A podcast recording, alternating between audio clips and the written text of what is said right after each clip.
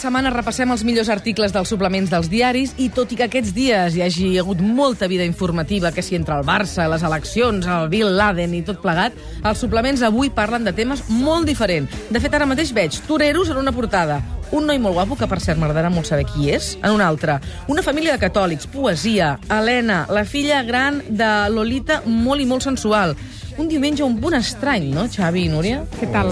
Sí, cadascú va a la seva avui. És el pupurri aquell informatiu de tenir temes de nevera, reportatges que fa dies que has elaborat, i avui, brrà, Han sortit tots, eh? a esperant raig. que el Barça guanyi la Lliga i abans de fer macro reportatges sobre altres Que no històries... serà avui, ja ho sabem, eh? Que el no serà avui. No serà A, avui. a vegades ja ho hem dit, els suplements es posen d'acord i fan uh, Sí. tots al mateix dia l'extra moda home, no? Doncs, a Avui no. hem fet nevera. A Avui hem fet tots a nevera. Avui hem fet nevera. Una cosa diferent. Vinga, va, doncs què destaquem? En el número 3 del podi. El Dominical, en un reportatge dedicat a Carla Bruni, la nova musa de Woody Allen, que surt a la seva nova pel·lícula Midnight in Paris. Titulen El paperot de la primera dama. L'exmodel i cantant mostra els seus dots com a actriu a les ordres d'Allen, tot i que alguns diuen que ho fa des de que va entrar a l'Elisi. Però passem d'això i escoltem el tràiler del nou film de Woody Allen, que per cert sembla que estigui ara ja col·laborant amb Lonely Planet per fer una guia turística de ciutats europees de dia, al migdia, a la tarda i a la nit, París. ¿A qué hora llegaste anoche? No muy tarde. Seguramente haré otra pequeña excursión esta noche. ¿A dónde iba Gil corriendo? Ha estado paseando por París. ¿A dónde irá Gil por las noches? ¿Pasea y recoge ideas? Ah, Gil, ¿por qué vas tan arreglado? he estado escribiendo. ¿Qué vistes y te pones con S'ha de dir la que un dia vam explicar aquí que hi ha una guia de Nova York, del Nova York de Woody Allen. Mm, és veritat? No he vist cap ruta turística del Woody Allen de Barcelona o de la Barcelona de Woody Allen. No. Potser és perquè no existeix gaire la, la Barcelona que vam veure en aquella pel·lícula. L'Hotel Fuster seria la Barcelona de Woody Allen. Per exemple, que és on Oi? toca ell, no? Això està bé, això està sí. bé. Bé, Owen Wilson, uh, Marion Cotillard, uh, Rachel McAdams, Kathy Bates, Michael Sheen, Adrian Brody i Carla Bruni Sarkozy són alguns dels noms d'aquesta pel·lícula com sempre, amor i desamor. Dimecres es podrà veure al Festival de Canes i ja divendres s'estrena als cinemes d'aquí del nostre país. Uh, seguint en aquesta col·lecció de la Lonely Planet, la següent pel·lícula de Woody Allen serà a Roma, la ciutat eterna, es dirà The Wrong Picture i estarà protagonitzada per Roberto Benini, Penélope Cruz, Alec Baldwin, Ellen Page, J.C. Einsberg i es parla també de Bill Murray, entre d'altres. Molt bé, doncs aquesta també no ens la podrem veure. Sembla que s'ho sortegin, eh? s'ho vagin a sorts, això de sortir una pel·li de Woody Allen. Jo també vull. Sí, és que al final és això, no? Sí, jo també vull sortir una pel·li de Woody Allen. En el número 2 del podi. Poeta ets tu, és el títol del desplegament poètic del Time Out Cultura d'avui. Marta Pas Pesarrodona, Pere Rovira i dues joves promeses, Blanca Llum Vidal i Adrià Targa, parlen de poesia amb motiu del 27è Festival Internacional de Poesia que comença aquest dimecres a Barcelona.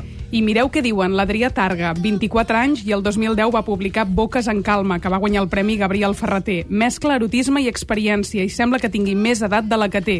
L'Adrià diu, ningú escriuria poesia sense una mica de mentida. Als 18, si no ets Rimbaud, res del que fas val la pena. La Marta Pesarrodona, Premi Nacional de Literatura d'aquest any, diu Avui es passa de poeta jove a poeta vell sense que apenes hi hagi transició. És avorridíssim. A mi, diu la Marta, mai no m'ha interessat la joventut, ni tan sols quan era jove. La Blanca Llum i Vidal té 25 anys. El seu nou llibre es diu Nosaltres i tu. I diu, ja sabem que de llibres de poesia no se'n vendran gaires exemplars. I què? La poesia és important. I en Pere Rovira, un gran estudiós de Gil de Viedma, a banda de ser el fill putatiu, diuen, de la gran poesia de l'experiència des de fa 40 anys, diu, quan acabes un poema, no saps si n'escriuràs mai més cap altre.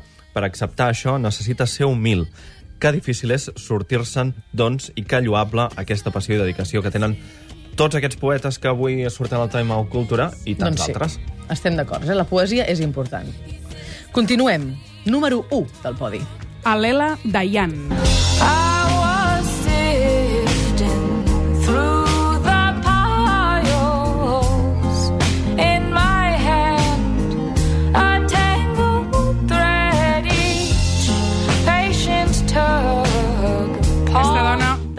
d'ahir que ens ha posat la pell de gallina escoltar-la, és d'aquelles veus que et travessen la pell i els òrgans, que et transporta i que et fa somiar. És des de fa temps la nova princesa del folk, nascuda al 83, treu ja el seu tercer disc, Alela Diana and Wild Divine, filla de músics, pares separats, va tenir un desengany amorós I amb tot això va agafar la guitarra i les cançons van començar a sortir soles. La fama la comparteix, però, amb una altra gran diva. Ens va visitar fa poc a Barcelona, Joana Newson. Es diu joveníssima, també nascuda al 1982. I a sobre, la Joana i la Lela són amigues. Totes dues són l'exponent del que s'anomena ja acid folk, folk contemporani. En parla el dominical del periòdico.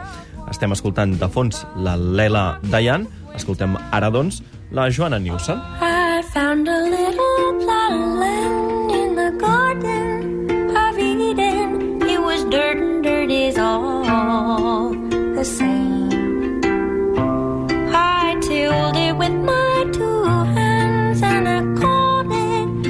això avui parem màquines aquí i preguntem quina és la veu que us posa la pell de gallina en el món de la música com ens l'han posat a nosaltres aquestes dues dones. A vosaltres? Quina és la veu de la música que us posa la pell de gallina? He de dir que moltes, la veritat. Però així ara, de cop, em ve Xabela Vargas, per exemple. Sobretot quan canta a capella i fa aquelles Sí, coses ella sola, damunt d'un escenari. Dius, "Des- d'acord, doncs ja està. A més, Xabela Vargas sempre diu una cosa molt bonica, i és que la música té sentit quan, no entenent l'idioma en què es canta, emociona igualment. I és el que fa ell, exactament, perquè hi ha molta gent que no l'entén. Més que només parlant d'ell se'n posen els pèls de punta. Oh, doncs els pèls de punta. Avui volem posar els pèls de punta amb molta música, amb la gent. Jo sentint ara aquestes dues, uh, ho estava traslladant a una veu masculina i estava pensant en els Kings of Convenience, que últimament m'agraden molt, també.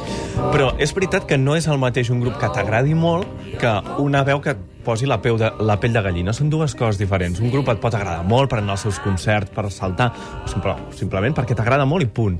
Però després hi ha una altra cosa, hi ha una altra cosa allò, això, de pell, de sensacions, Maite que només la Martín. produeixen alguns cantants. Maite Martín també posa la pell de gallina. Ah, sí, a mi també. Oi que sí? Doncs vinga, va, per què no fem aquesta pregunta a tots els nostres oients? Això és el que us preguntarem durant tot el programa d'avui, eh?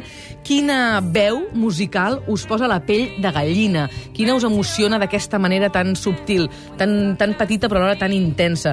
Recordeu que ens podeu contestar a través del correu electrònic suplement arroba catradio.cat, també a través del nostre Facebook, facebook.com barra el suplement, o ja podeu també trucar a través del telèfon del directe, al 93 201 7474, i la Mercè anirà agafant les vostres respostes.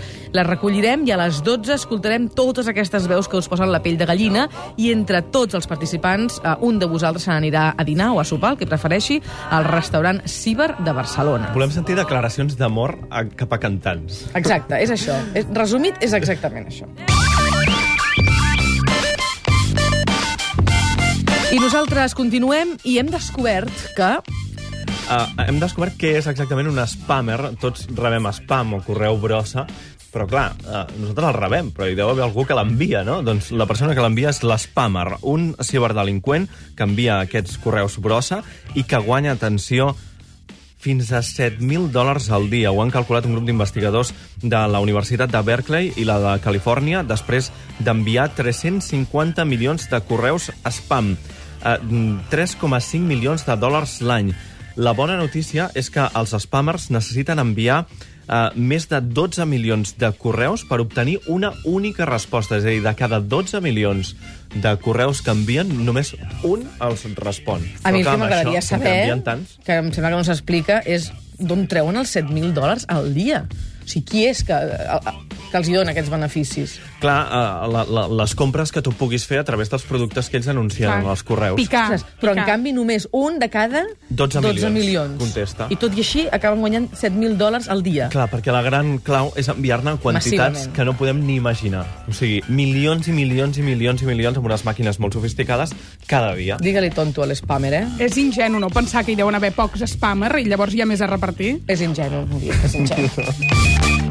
Qui s'ha quedat a gust? Jordi Portabella diu en termes econòmics la Fira d'Abril està al marge de la llei, es basa en unes subvencions que ningú més no té i en unes arbitrarietats que a ningú més no se li toleren. Ho llegireu al Presència. I s'ha sincerat? Lluís Omar, el dominical del periòdico, diu El meu cicle en el cinema s'està esgotant. Necessito un canvi. I diem, oh... Esperem que no sigui així. De moment, el cine acaba d'estrenar No tengas miedo amb Belén Rueda, Michel Gené i Núria Gago. Ell interpreta un dentista respectable que abusa sexualment de la seva filla. Un drama en què es deixen anar perles com de petit et prevenen dels desconeguts, però no dels coneguts. I una altra, la persona que més m'estima és la que m'ha destrossat la vida. El personatge d'Omar no és conscient del mal que fa, a la pel·lícula no es veu cap escena de violència i diu també hem fet una pel·lícula necessària. El tema és horriblement dur, però la seva cal·ligrafia, la manera com està feta, això és bonic. I ara sona la Shakira. Perdoneu, eh, però... I té molt a veure.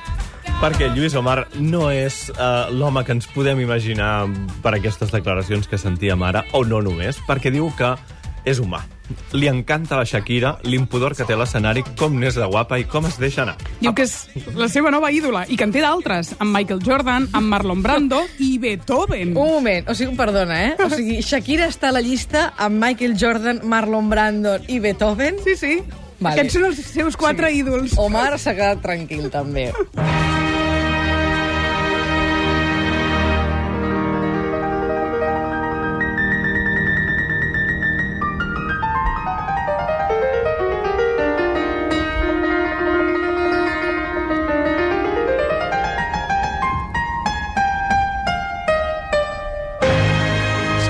Sona Beethoven jo realment no sé quan entrar.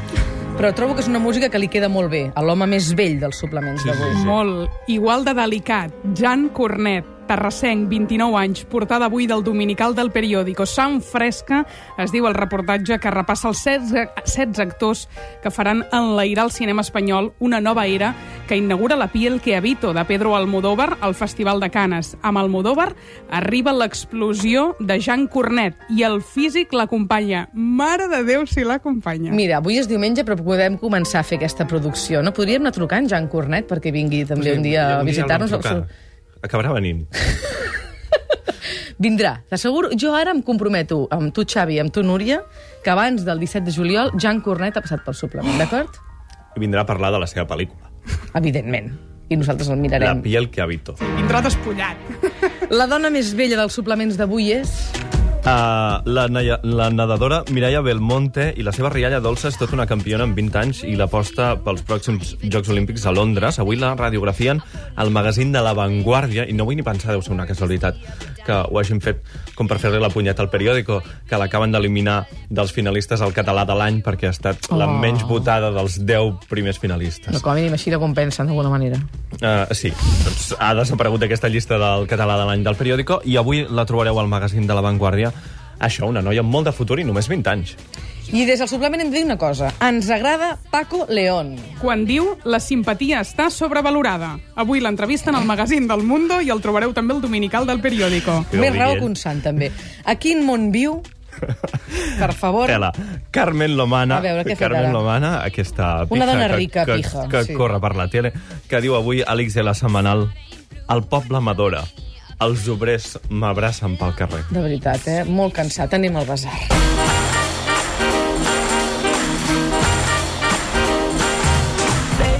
Tu tens un gosset, Tati? No, en vaig tenir un, l'Apolo, un gossàs, era un schnauzer gegant. I el vesties? Schnauzer O... gegant. No, no, no es deixava vestir, les anava al Apolo. Ah, Apolo. tu. Potser, potser sí que el vestiria. Un peix? D'això. També en vaig tenir, de peixos. Es deien... Me'n recordo, alguna així com husky i musky, una cosa d'aquesta. Crusti i frusti, no me'n recordo. Vaig posar noms d'aquests fàcils que fan en parell. També, també vaig tenir un lloro que es deia Curro i una tortuga que es deia Mafalda. Ho dic per si continues preguntant sobre els animals de casa meva. El zoo ha acabat està, aquí, sí. molt bé. I em pregunto, per què la gent que té animals de companyia, per exemple un gos, els hi posa vestits, i si tens un peix mai el vesteixes? A la sardina, el dia de la sardina, la vestíem quan érem petitons. veritat. Quin gran dia. La senyora Montserrat del Mercat de Santa Eulàlia feia uns vestits exactament com els de les nines per les sardines. Aquí deixo aquesta anècdota personal. Podem continuar ara. Bé, doncs això t'ho deia perquè, mm, perquè els gossos també sentin els colors blaugrana. Avui us porto una samarreta canina del Barça. Gran. L'oferta per avillar el gos blaugrana, de blaugrana, de fet, eh, és extensa, no només hi ha la samarreta, n'hi ha per tots els gustos. És, diguem-ne, que divertida. Alguns optaran per uns baixos, les calces del Barça, altres els lligaran al mocador triangular al coll, i els dandis eh, bordaran i remenaran la cua davant del barnús, un barnús per gossos del Barça. Avui el Time Out Cultura es decanta, però, per la samarreta clàssica, però adaptada a gos. La equipació blaugrana per als gossets de la casa costa entre 16 i 18 euros. Home, doncs ara que arriben les grans finals i els grans triomfs del Barça, per exemple, podríem Tots vestir els ossets. gossos pel Al carrer camp, exacte. vestits de De blaugrana.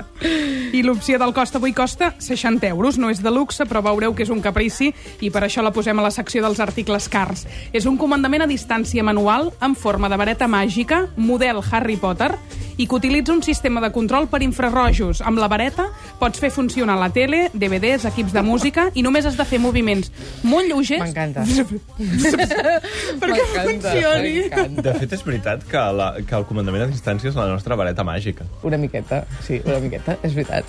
Aquesta quan val, perdona? 60, 60 euros. euros. Eh? Assumible per un dia especial, per un dia especial. Sí. A tot això, Anthony and the Johnsons ens diu la Sílvia, Amàlia Rodríguez ens diu la Fina, ja comencen a arribar les veus que us posen la pell de gallina, les veus musicals que us posen la pell de gallina. Recordeu que durant tot el programa us estarem fent aquesta pregunta. Quina és la veu musical que us posa la pell de gallina? Podeu contestar a través del correu electrònic suplement arroba catradio.cat, al facebook.com barra el suplement i també al telèfon del directe, al 93 201 7474. Gràcies, nois. Fins ara. Adéu.